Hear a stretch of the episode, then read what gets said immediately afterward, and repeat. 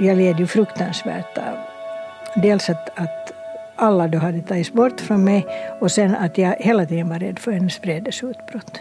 Det riktade sig mot de människor som jag älskar mest. Jag tror ingen anade att det var något fel hemma hos oss.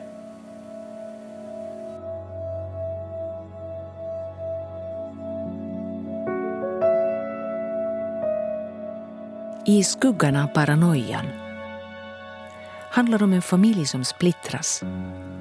Om systrarna Kyra och Tuva, barn till författaren Miriam Tuominen och bildkonstnären Torsten Korström. Jag, Mive Gelius, välkomnar dig till Dokumenterat. Ja, här är vi nu innanför portarna till Åkerlid, min farmors och farfars gamla ställe. En sån här röd stuga med vita knutar. Och främst var det då en, en väldigt sån här skranglig förstuga som min kusin Johan då ersatte med den här snygga nya tillbyggnaden som sitter väldigt bra och som ger huset en stadga. Det såg alltid ut som det skulle vingla omkull Åkerlids hus på något sätt. Jag tror att vi kommer in där på andra sidan. Åkerlid. Tuva och Kyra Korströms farfars och farmors ställe finns alltså i Korpo, i Korpoström i Åbolands skärgård. För systrarnas del så var det här ett barndomsparadis som kom att tas ifrån dem.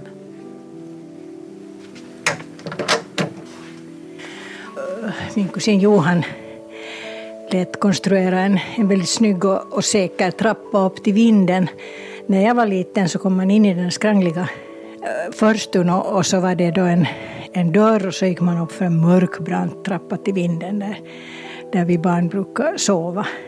Och den var ju jättestor och det hade byggts då sådana avbalkat sådana rum i vardera ändan för mig och min syster så, med sådana här tjocka paffväggar. Det var ganska primitivt. Och där fanns ju sen alla farmors och farfars brev förstås och allt som hade sparats.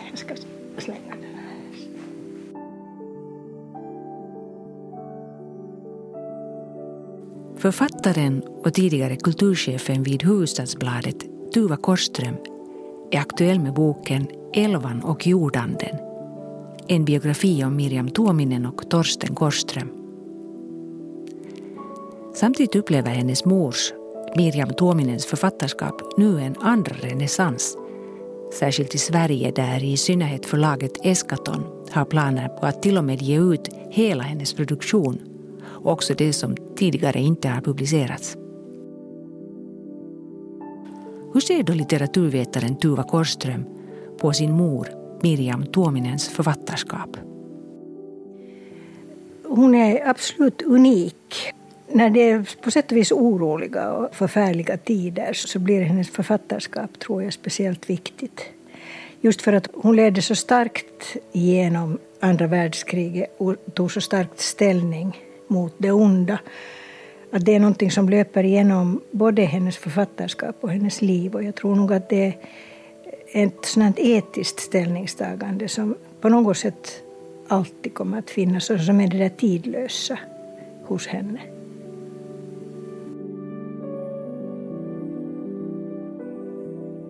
Som de flesta kärlekshistorier börjar också den här mycket vackert. 1932 före sitt första Korpobesök skriver Miriam Tuominen från Helsingfors till sin blivande man Torsten, Totti Korström, hit ut till Åkerlid. Du kära du, allt för mig, bara du. Dina kyssar är dryck, dina smekningar är näring. Din andedräkt är cigaretter. Älskling, jag måste sätta det där sista till, annars hade jag blivit för sentimental. Efter sitt besök på Åkerlid drömmer Miriam sedan om att få ha honom för sig själv trots att hon inleder med de förstående orden. Totti, jag förstår att ni älskar era holmar och ert hav, ert friska fria liv där. Jag vill ha ett hem med dig, gräla med dig och älska, älska dig, dig, bara dig. Utan att några mammor har ett ord med i laget. Ett eget hem med Totti det får Miriam Tuominen i Nykarleby.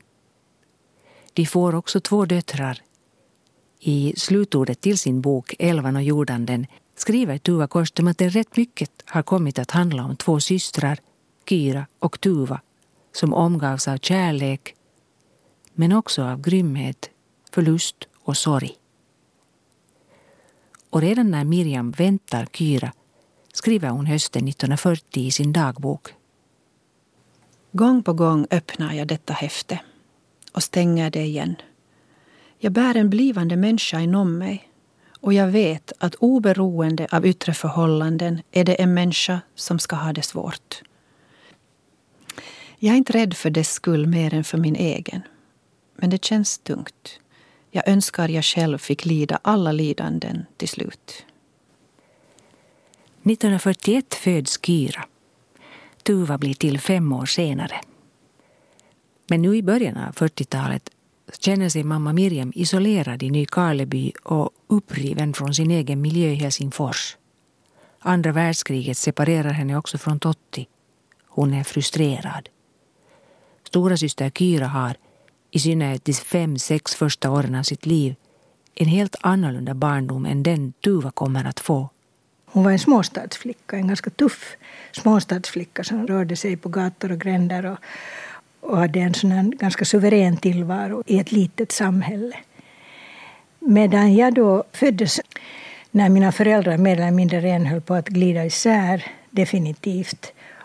Och jag föddes liksom till en sån här väldigt vacklande tillvaro i, på olika ställen. Först mycket tillsammans med mamma och sen efter det att föräldrarna hade skilt sig så hade de ju ett, ett avtal att Kyra och jag skulle då bo med mamma i Kottby dit vi hade flyttat i Helsingfors under vinterhalvåret och så skulle vi vara då de tre sommarmånaderna med pappa här ute i Korpo hos farmor och farfar. Pappa var teckningslärare, lektor i teckning i Nykarleby seminarium, så han hade ju långa ledigheter. Så det var, det var en sån här väldigt kluven tillvaro. När Miriam 1949 slutgiltigt flyttar till Helsingfors med döttrarna så blir i synnerhet Kyra förvirrad och olycklig till följd av omplaceringen där hon i skolan bland annat så hamnar i slagsmål när hon blir attackerad och hemma är hon onåbar och sluten. I väntan på något bättre så bor de först hos Momi Nenne på Arkadiagatan. Men slutligen så får Miriam en egen bostad i Kottby. Om tillvaron där säger Tuva. Kottby och livet där var mardrömmar som jag aldrig ville återvända till. Samtidigt håller Tuva fast vid att stora syster Kyra ändå hade en på sitt sätt mycket svårare barndom eller ungdom än hon själv hade i Kottby. Trots att de ju levde i samma hushåll. För Kyra... Hon var alltid mera i skottlinjen än jag. Alltså, redan som liten så... Eh, hennes minnen från Nykarleby, trots att mamma i sina brev och säkert eh, alldeles genuint menat älska sitt första lilla barn mer än hon någonsin hade älskat någon annan varelse så, så var hon ju då ensam med det här barnet och samtidigt hade hon den här inre pressen på sig själv att hon skulle skriva, hon skulle skapa. Och Kyra kan minnas sådana situationer när mamma helt enkelt bara stängde dörren och Kyra var kanske ett, två år eller något sånt och satt och skrek utanför dörren. Och också sådana situationer när hon var ensam med mamma och mamma fullständigt... Eh, det var eh, våren 44 alltså. Hon måste ha varit i ett psykotiskt tillstånd då. Och liksom då kunde det ju ha gått verkligt illa för att hon, hon fick tydligen någon slags anfall och jag tror inte det var riktat mot Kyra direkt men, men hon kom in i Kyras rum och började slå, hacka med en sax ovanför Kyras säng så att väggen var alldeles sönder. Så här har Kyra berättat för Tuva. En natt blir mamma en häxa och rusar in i mitt rum med en sax i handen. Hon hackar väggen ovanför min säng full med hål. När Mumi kommer på besök säger mamma att det är jag som har gjort det. Och det var Kyra upprörd över som barn. Att, att då sa mamma åt mummi att det var Kyra som hade hackat med saxen i väggen. Och det tyckte Kyra var väldigt orättvist. Det oroar henne men inte att saxen... Nu oroar saxen henne också då. Det var ju fruktansvärt. Men, men den där orättvisan att skylla på henne dessutom. Men pappa Totti? Han var ju ute i kriget. Det var just den här, den här fruktansvärda situationen att, att större delen av deras gifta liv egentligen så var han ute i krig. Och då just låg han vid, vid Järnisjärvi, alltså Anjega. Så det var lång väg. I ett brev till Totti ute vid fronten samma år, 1944, försöker Miriam förklara sitt skrivbehov och hur allt hos henne, sinnesstämningar, lynnen, vilja, ondska, godhet, och om hon har någon, lägger hon till, ja, allt kroppsligt och andligt, hälsa och sjukdom, hur allt på något sätt är beroende av om hon skriver eller inte. Hon ser på sig själv som en dubbelvarelse bestående av människa och fågel och största delen av hennes liv går åt till att försöka hålla jämvikten mellan de här två. I sitt svarsbrev skriver Totti. Ibland glömmer jag kanske att du är konstnär för att jag älskar kvinnan så mycket. Men vore du bara en kvinna och ingenting annat hade nog min kärlek vid det här laget svalnat och bleknat till en stilla borgerlig hem och härdlåga istället för att som nu bli bara värre och värre ju längre det lider. Det är den gåtfulla dubbelvarelsen Miriam som äggar mig. Gör mig galen, lycklig och förtvivlad. Så länge Miriams värld ändå på något sätt ännu hålls bättre samman så fungerar skilsmässoavtalet. Tuva och Kyra bor under vinterhalvåret i Kottby, de tre sommarmånaderna i Korpo på Åkerlid. Vad hör till det som du minns liksom som det allra bästa av era somrar här innan det sen blev slut på dem? Allt. Men framför allt var det naturligtvis det här att vara med pappa. Pappa var, var min hjälte. Liksom jag, när jag sen äntligen blev mera bekant med honom, jag, jag var ju ganska mycket borta från honom när jag var spädbarn och mindre, så var jag fullständigt fastklistrad vid honom. Och han var en förtrollande person. Alla människor tyckte om honom. Men för mig så var han, jag ifrågasatte aldrig att han inte skulle ha varit till bara för mig. Och sen när jag blev kanske några år äldre och, och mera självständig så behövde jag inte hänga efter honom hela tiden. Men allt som vi gjorde med pappa var det roligaste. Och han, han var ju också så rolig. Vi målade och, och, och ritade och, och åkte ut på havet och, och framförallt så hade han ett outsinligt förråd av berättelser. Och jag, kallar den här skärgården som vi upplevde med honom för Odysseus skärgård. För han gjorde hela skärgården här till den grekiska arkipelagen och alla öar hade namn efter olika äventyr i Odysseen. Och, och vi blev naturligtvis ganska allmänbildade, Kyra och jag, för vi fick ju allt... Han var ju pedagog. Han serverade oss så otroliga mängder av, av kunskap i en så rolig form. Och jag har förstått också på de här breven, så länge han och mamma vänskapligt kommunicerade, att han bunkrade av de här berättelserna, Tristan och Isolde, alltihopa under vintern för att kunna berätta allt det här för oss som han fick ge då, just under de här otroligt intensiva månaderna. Så det är klart att det, är klart att det var underbart. Mamma hade ju den där lite mera trista vardagen när man skulle gå i skola och allt det här. Ja, och när du återvände härifrån, till exempel i början av 50-talet, då du var ännu en liten flicka kan man säga, så kommer du ihåg sånt som kunde möta dig i Kottby?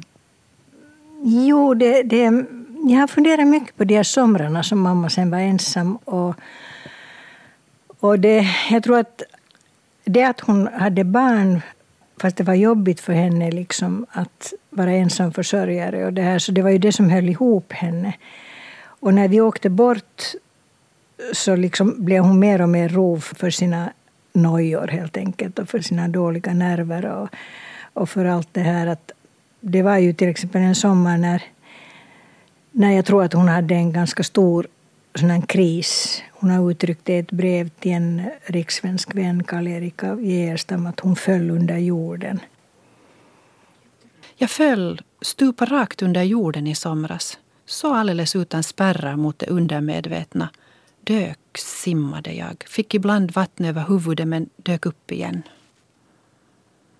Drunkning betyder väl sinnessjukdom men I så fall tror jag att sinnessjukdom alltid framkallas av en påstöt utifrån. Skrämsel, otrygghet, för mycket oriktig ensamhet, för lite riktig. Att det var liksom begynnelsen till någon slags vansinne. Och då, då skrev hon på sin kortprosasamling Tema med variationer som är en oerhört fin bok. Men som också är mycket liksom, skulle jag säga, emotionellt högspänd på ett ganska farligt sätt. Alltså hon var hela tiden på en sån här gräns. Och, och man kunde ju man kunde ju på något sätt när man kom hem, där var allting som förut. Men, men just också det här att hon, hon var ju väldigt mycket med i allt som vi gjorde. Också hon läste mycket för oss, och enormt mycket litteratur och berättade saker. Och, och hon visste precis vad våra dockor hette. Och, och jag hade en docka som hette Margaret Rose. Och jag kommer ihåg när jag kom hem en höst så hette hon inte mer Margaret Rose. Utan hon hette Soledad, som betyder ensamhet. Och mamma hade fört henne till perukmakaren och hon hade fått istället för sitt lockiga hår, för hon var gjord efter modell efter prinsessan Margaret Rose förstås och sin tyllklänning så hade hon rakt mörkt hår och en mycket enkel klänning. Och hon såg hela tiden så där lidande och, och olycklig ut och man måste trösta henne.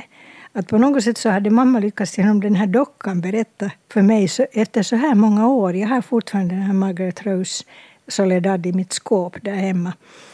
Så lyckades hon berätta för mig att, att hon hade varit hemskt ensam hela sommaren. Så minns du hur du upplevde det? Jag tyckte, inte, jag tyckte inte så mycket om att när hon gick in i mina saker. Och jag tyckte, som alla barn så tyckte jag om att ha en integritet. Så jag gillade kanske inte riktigt det här att hon hade gjort om Margaret Rose. Så jag kommer ihåg att jag klippte pannlugg åt Margaret Rose. Den står fortfarande rätt ut. Och försökte få henne, muntra upp henne på olika sätt. Men hon är nog fortfarande mycket ledsen.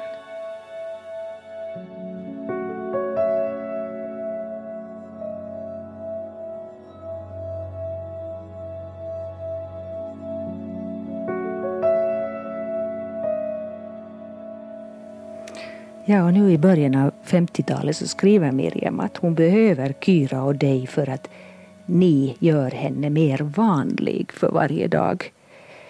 Samtidigt så försöker hon reda ut upplevelser från sin egen barndom.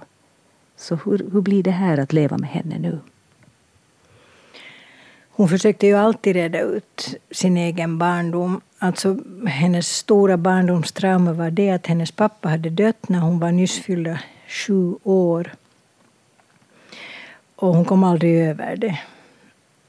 Och eh, det var ju någonting som hon förstorade så enormt att, att det liksom det återspeglas i allt som hon har skrivit. Ända till de sista religiösa dikterna så finns den här fadersförlusten och, och Gud som en förlåtande fader för det här barnet som ligger på sin smärtas bädd på något sätt. Hon var ju ett barn som hade väldigt mycket både fysiska och psykiska problem. Alltså hon var en jobbig unge för min mormor som var ensamförsörjare då efter att morfar hade dött och hade fyra döttrar. Och Miriam var då den här klart enormt begåvade men också väldigt känsliga och, svåra som alltid skulle föras till läkaren och alltid hade något fel. Och, och så var det ju hela livet ut. Alltså det var, mommi fick försöka hela livet ut att göra någonting för det här och gjorde sitt bästa, kanske inte alltid med bästa resultat. Och mamma fortsatte att älta, skulle jag säga, den här fadersförlusten som å andra sidan har avsatt väldigt viktiga spår i hennes noveller och novellistik och också i hennes dikter. Väldigt fina spår. Det är just det här som är ganska intressant med henne att ur det här trassliga, besvärliga livet så ungefär vartannat år så kommer det en lysande bok där hon har processat på något sätt allt det här.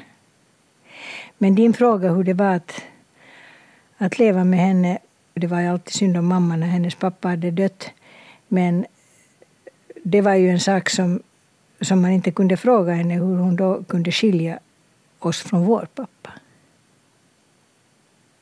Hur hon kunde ungefär i samma ålder som, som hon hade varit när hon förlorade sin pappa så, så lät hon mig förlora min pappa. Men så, så fungerar ju människor. Det finns ingen logik. Hon trodde hon gjorde rätt. Men hur kom hon till det? No, det, det var ju... När man går igenom den här, den här berättelsen. Jag hade ju också kommit till det här att hur kunde hon göra det och hur kunde de lämna mig ensam där och, och allt sånt. Men när man sen går in i det här materialet och in i händelseförloppet så nära som jag har gjort så förlorar man ju känslan för logik just så där som verkligheten inte är speciellt logisk. Och man ser hur det ena ger det andra. Jag menar hon, just den där sommaren till exempel med dockan Soledad när hon var så ensam och, och skrev på tema med variationer så började hon gå in eh, riktigt ordentligt i en, i en sån allvarlig psykos som ledde till att hon redan hösten 53, våren 54 var så allvarligt paranoid att, att eh, min mormor då sa att nu måste Miriam ta som händer. Nu, nu måste vi göra någonting åt saken. Och hon fixade då så att mamma kom in på Lappviken på en månad den sommaren 54 alltså. Och efter det så hade ju mamma inget förtroende för, för släkten. För min mormor som hon visste att stod bakom det här. Och om man har paranoia och dessutom den späds på med verkliga element så, så blir det ju bara värre. Min syster hade ett helvete. Och jag också, men framförallt min syster.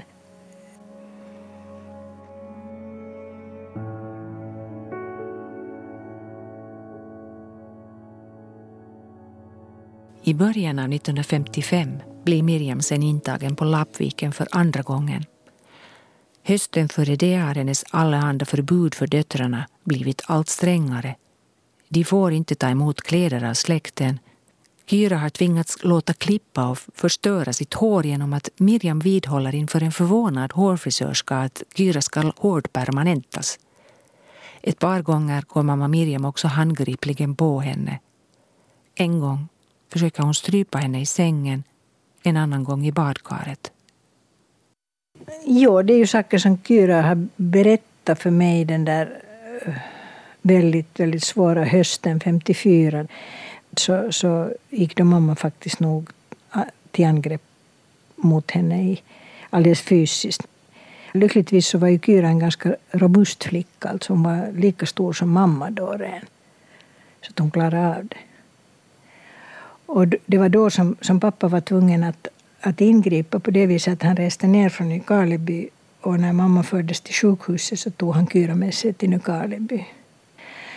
Men eh, hon upplevde det som så starkt jagkränkande att hon också när hon insåg då eftersom pappa hade varit närvarande den andra gången och förde bort Kyra att han inte var att lita på. Och då förvärrades ju bara hennes misstro mot resten av släkten. Så att inom ett år eller så, så hade hon ju brutit med alla, precis alla. Och ingen fick komma mera till oss. Att det var några utvalda vänner som fick göra besök och, och det tog slut i början på 60-talet. Sen var hon totalt isolerad. Och för dig att då vara ensam med henne, så hurdant var det? Det var mycket var ju som förut. Alltså, jag gick i skolan, hon skötte om mig. Hon var en mycket liksom, organiserad människa. Just för att kunna jobba så mycket som hon gjorde så måste hon organisera sin vardag. Och det var alltid mycket, inte så där borgerligt propert, men ordentligt. Och man fick mat och så där. Hon försökte ta hand om mig. Men jag led ju fruktansvärt av, av dels att, att all, alla då hade tagits bort från mig och sen att jag hela tiden var rädd för hennes vredesutbrott. Också om det inte riktade sig mot mig. Det riktade sig mot alla andra. Det riktade sig mot de människor som jag älskar mest. Och hon hade ju ingen kontroll, utan då, då skrek hon. Och min reaktion var ju den här att, att då, då ska hon oroas så lite som möjligt. Att jag försökte liksom, från det att jag var åtta, nio år så försökte jag skydda henne för allting. Och tänka ut i förväg vad som skulle kunna irritera henne och eliminera allt. Jag, jag önskar verkligen att ingen skulle komma till oss. Utan jag önskade att jag fick gå ut. Och det gjorde jag också. Jag gick ut, jag gick till skolan, jag hade mina vänner. Jag tror ingen anade att det var något fel hemma hos oss. Så är det ju ofta med barn som har svårigheter hemma, alkoholism eller sinnessjukdom eller någonting, att de visar ingenting. De är fullständigt solidariska med sina föräldrar. Men man kunde aldrig veta när stormen bröt loss. Och hur ofta kunde den göra det då? Hela tiden kunde den. Alltså, det kunde vara perioder när det var väldigt trevligt och vi, vi läste tillsammans och vi gjorde saker tillsammans och i början så kunde vi hälsa på sådana eh, bekanta som ännu inte var liksom fiender som till exempel Tito och Ina Colliander och Kurt Sandmark och hans fru i Borg och, och så här. Men jag gjorde allt som jag kunde inom de här ramarna. Jag försökte tänja dem så mycket jag kunde men man kunde aldrig veta när stormen bröt loss. Länge har Tuva Korström levt i tron att det blev slut på somrarna i Korpo direkt efter mamma Miriams andra period på Lappviken. Men brev och dagboksanteckningar visar att hon och Kyra fick åka till Åkerlid ännu sommaren 1955. Men det var då som mamma gjorde sällsynt misslyckat besök här på Åkerlid och fick vredesutbrott och det var fruktansvärt. Liksom det här att hon, hon med sin sjukdom kom in här i det här sommarparadiset, det här fredade området. Och, och så försökte hon liksom ta, ta mig med till, till Kottby tillbaka. Men jag lyckades övertala henne om att jag, jag skulle få vara här några veckor till. Men sen, det var ju när jag kom hem så, så i allmänhet så hade jag ju locket på men jag var så olycklig att jag bara grät. Det var så fruktansvärt och jag bara grät efter pappa. Och det var ju väldigt ostrategiskt. Men det, det var sen sista sommaren för mig. Och hur reagerade sen då pappa Totti? Han kunde egentligen inte göra någonting för han, han försökte då ta kontakt. Han hade en, en god vän som var advokat som sa att, att han har väldigt lite chanser att, att få någonting igenom. För att det är nästan alltid mamman som har rätt. Och dessutom genom att han hade då tagit Kyra till Nykarleby så hade han då brutit det här avtalet. Det är klart att han kunde ha gått in med storsläggan och, och sinnessjukförklarat henne och försökt få henne in, intagen eller någonting annat hemskt och det ville han inte göra. Det var i synnerhet så kunde det ha varit destruktivt för hennes skaparförmåga. Att den där pappas hänsyn var nog helt befogad men, men den som nu egentligen fick, fick liksom bära lasset så det var ju jag.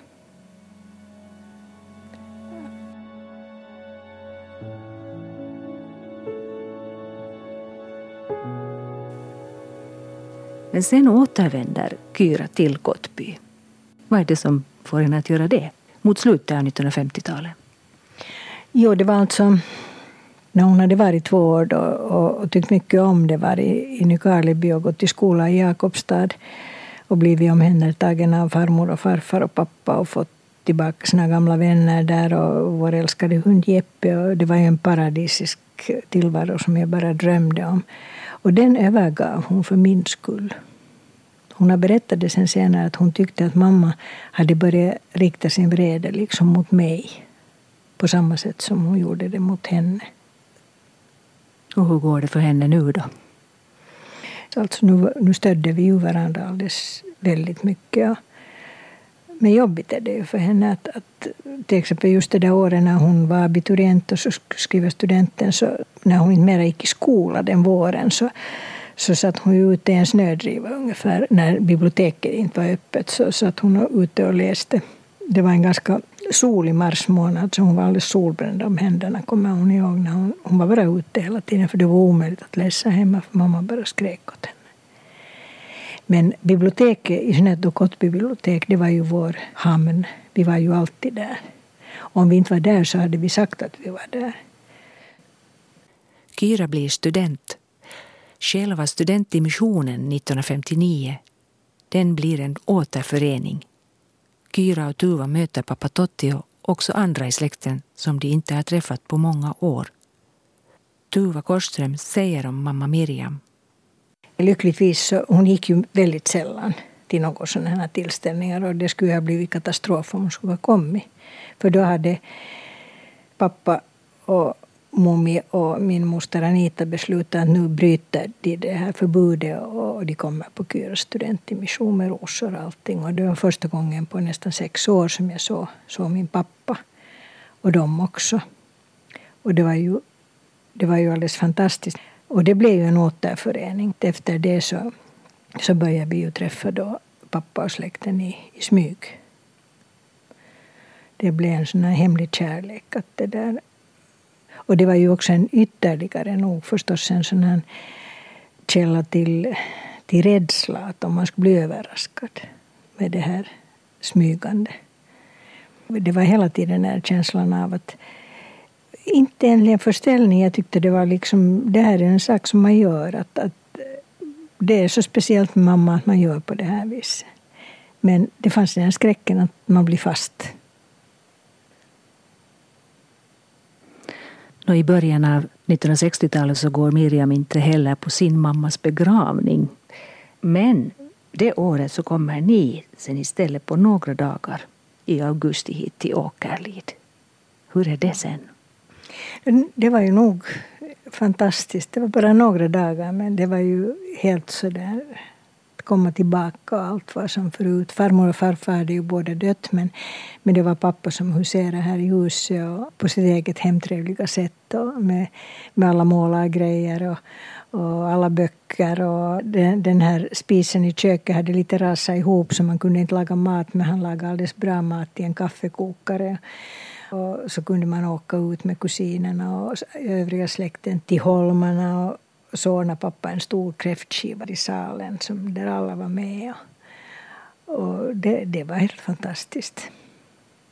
Det fanns här också en, ett visst stråk av vemod. Alla hade ju den här känslan, vi i synnerhet, att det var så många år som hade gått förlorade. Att nu hade jag ju länge och har fortfarande en känsla av att liksom det var någonting som, som togs bort från mig liksom min barndom och ungdom en sån här frihet som, som togs bort. Fem år efter återföreningen, 1964, dör plötsligt pappa Totti i hjärtslag. Bara 55 år gammal. Just vid terminens början hittas han död i sin gungstol i Nykarleby. När det händer är mamma Miriam och Tuva just på en resa för arvspengar efter Miriams mor, Muminenne. Då var mamma och jag ännu i Rom. Vi hade gjort en så kallad Grand Tour genom Europa. Och på grund av just de här märkliga sakerna i min släkt och i min släktshistoria så, så följde aldrig någon in att man skulle kunna meddela mig. Det var omöjligt. Utan allting skedde, begravning och allting, förrän jag jag då kom hem och så fick jag veta det av Kyra som delgav det mycket, mycket varligt. Och, nej, det var ju en så stor katastrof. Någonting som tog, tog ifrån mig kanske en bit också av min framtid. För jag hade ju tänkt mig att, att när jag blir myndig och när jag blir vuxen och när jag får egna barn, så då ska pappa vara där. Och framförallt så ska han vara där för mina barn och han ska kunna ge allt det här som, som han inte kunde ge åt mig, så ska han ge åt mina barn. Också det som han gav, alltså Odysseus skärgård och allt det här. Allt det här hade jag tänkt. Och det föll ihop som ett korthus. Det var nog mitt livs största sorg.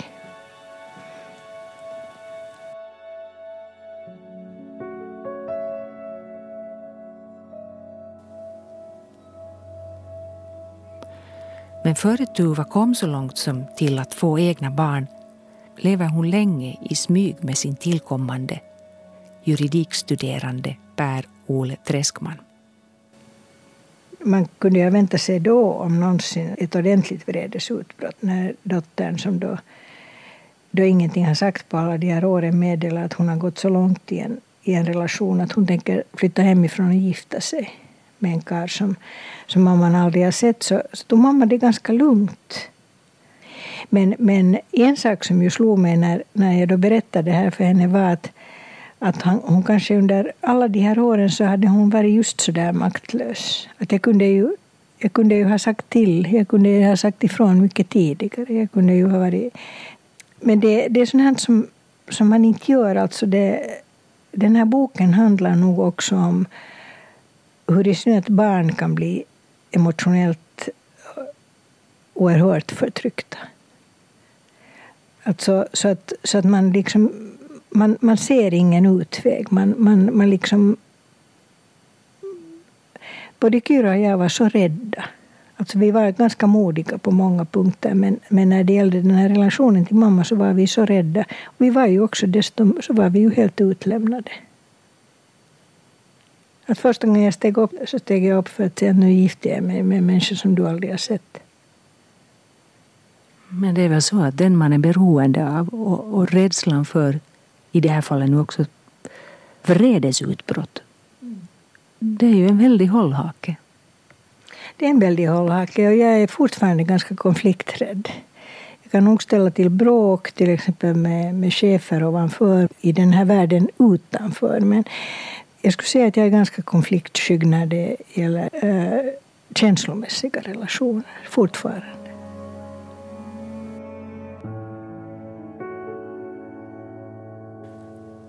Under 1960-talet så får Miriam Tuominen många uppenbarelser och hon ser sig nu som en uttolkare av Guds väsen och den kristna läran enligt romersk-katolska kyrkan. Hon vill att också Tua ska konvertera till katolicismen, vilket hon också slutligen gör för mammas skull. Men det ger ingen frid i Miriams själ. Nu får hon raseriutbrott också mot det katolska prästerskapet 1966 är överlag ett extra svårt år. För er döttrar så där finns till exempel så obligatoriska måltider. Att för Kyra också, även om hon har flyttat hemifrån, så kommer hon till såna och det religiösa uttrycket finns med också här. Jo, det var ju det var överhuvudtaget ett sätt förstås att hålla tummen på oss, att vi skulle hem och äta. Jag skulle också alltid hem och äta mitt, i, mitt på dagen, liksom mitt i studierna. Och det där. Istället för att hastigt slafsa i mig någonting på Portania så skulle jag resa ut till Kottby.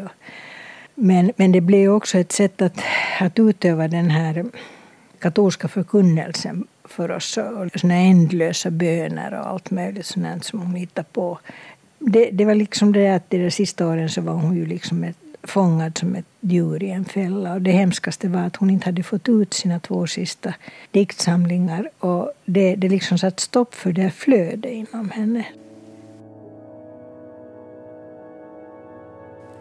Sommaren 1967, tre år efter Tottis död, alarmeras Kyra och Tuva plötsligt till Töle sjukhus. Mamma Miriam har förts dit efter att ha blivit medvetslös i en spårvagn. Efter två hjärnblödningar dör Miriam Tuominen.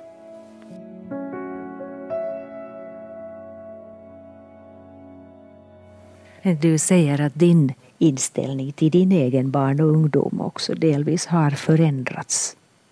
Så vad hör till det främsta där då, skulle du säga? jag är fortfarande bitter för att jag förlorade min barndom och min ungdom. Delvis. Men jag, jag kan också se liksom hur, hur privilegierad jag var. Genom att jag hade en mamma, förstås en pappa också, men en mamma som var så, så oerhört liksom bildad och beläst och kunnig och visionär att, och som ville ge mig allt det här. Och jag, framförallt så har jag ju inte förstått hur konsekvent hon var. Till exempel det att jag redogör för hennes mycket oortodoxa eh, språkutlärningsmetoder när hon lärde mig franska så har att göra just med det här att hon samtidigt som hon lärde mig franska så ville hon delge mig väldigt mycket litteratur, väldigt mycket tankar. Och allt det här lyckades hon göra. Jag har belägg på det i de här övningshäftena där jag då snällt har översatt precis vad som helst från franska till svenska, från svenska till franska, från Franciscus solsång till Johannes A. Korset till eh, Simon Weil till Frans Kafka. Liksom. Att en stor del av vår västerländska kultur så gav hon åt mig som på ett bräde gav den åt mig så att den blev väldigt nära. Det blev aldrig en fråga om elitism eller beläsenhet eller någonting utan jag levde med det. Och det är jag henne väldigt tacksam för. Och din förståelse av dig själv, hur har den fördjupats? Jag hade ju en dagbok som jag kunde gå tillbaka till och som jag alltid hade sett på med en viss misstänksamhet för att jag tyckte att den var ganska barnslig och omogen. Men det var ju den som sen ändå visade hur jag, hur jag värjde mig. Alltså det, det var ju det att, att jag skrev mest om, om kläder och pojkar och väninnor och allt sånt just för att bevisa för mig själv att det var ju det som var det viktiga. Att jag liksom skulle överleva som en, som en vanlig människa, som en vanlig flicka vid sidan av allt det här. Ja, så du inte ens anförtrodde din dagbok svåra saker? Nej, jag, jag, tror inte jag kunde formulera dem. Och dessutom skulle jag inte ha kunnat skriva om saknad efter pappa eller något sånt, för hon kunde ju ha gått och tittat i min dagbok. Det, det hörde till strategin där hemma. Men eh, det här när jag sen senare reflekterar, när jag är 16-17, så reflekterar jag nog över mammas och min relation och jag, jag skäms över mig själv för att jag inte gör mera för att förstå henne. Men å andra sidan, då som ung var Tuva ju den som allt för mycket måste försöka ta på sig en stöttande vuxenroll. Något som ofta har sitt pris. Om sina uppväxtår säger hon också jag tycker att, att liksom jag var mycket klokare på många sätt när jag var i den åldern tio år senare när jag lät en hel del demoner slippa loss som, som kanske borde ha, ha fått frihet då när jag var tonåring istället. Betyder det att de demonerna gick ut över andra sen?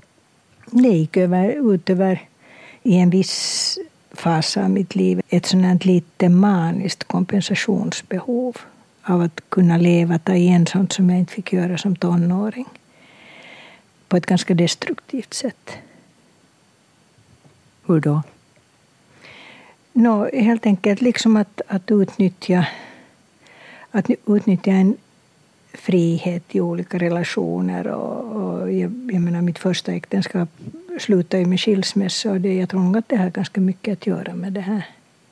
Det är ett sådant frihetsbehov, som, ett utlevnadsbehov som är, är bättre att ge utlopp åt förrän man då är gift och har barn och allt sånt. Att det är ju då det ska hända. Men då var jag ju den här kloka flickan som måste bemästra allting.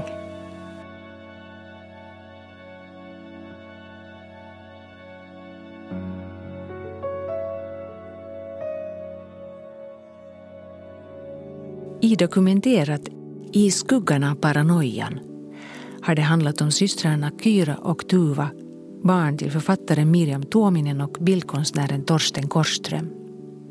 Tuva Korsström medverkade efter att hon nu skrivit boken Elvan och jordanden, en biografi om Miriam Tuominen och Torsten Korsström.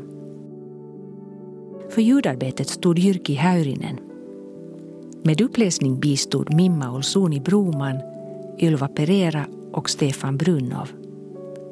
Producent var Staffan von Martens. Redaktör jag, Mi Vegelius.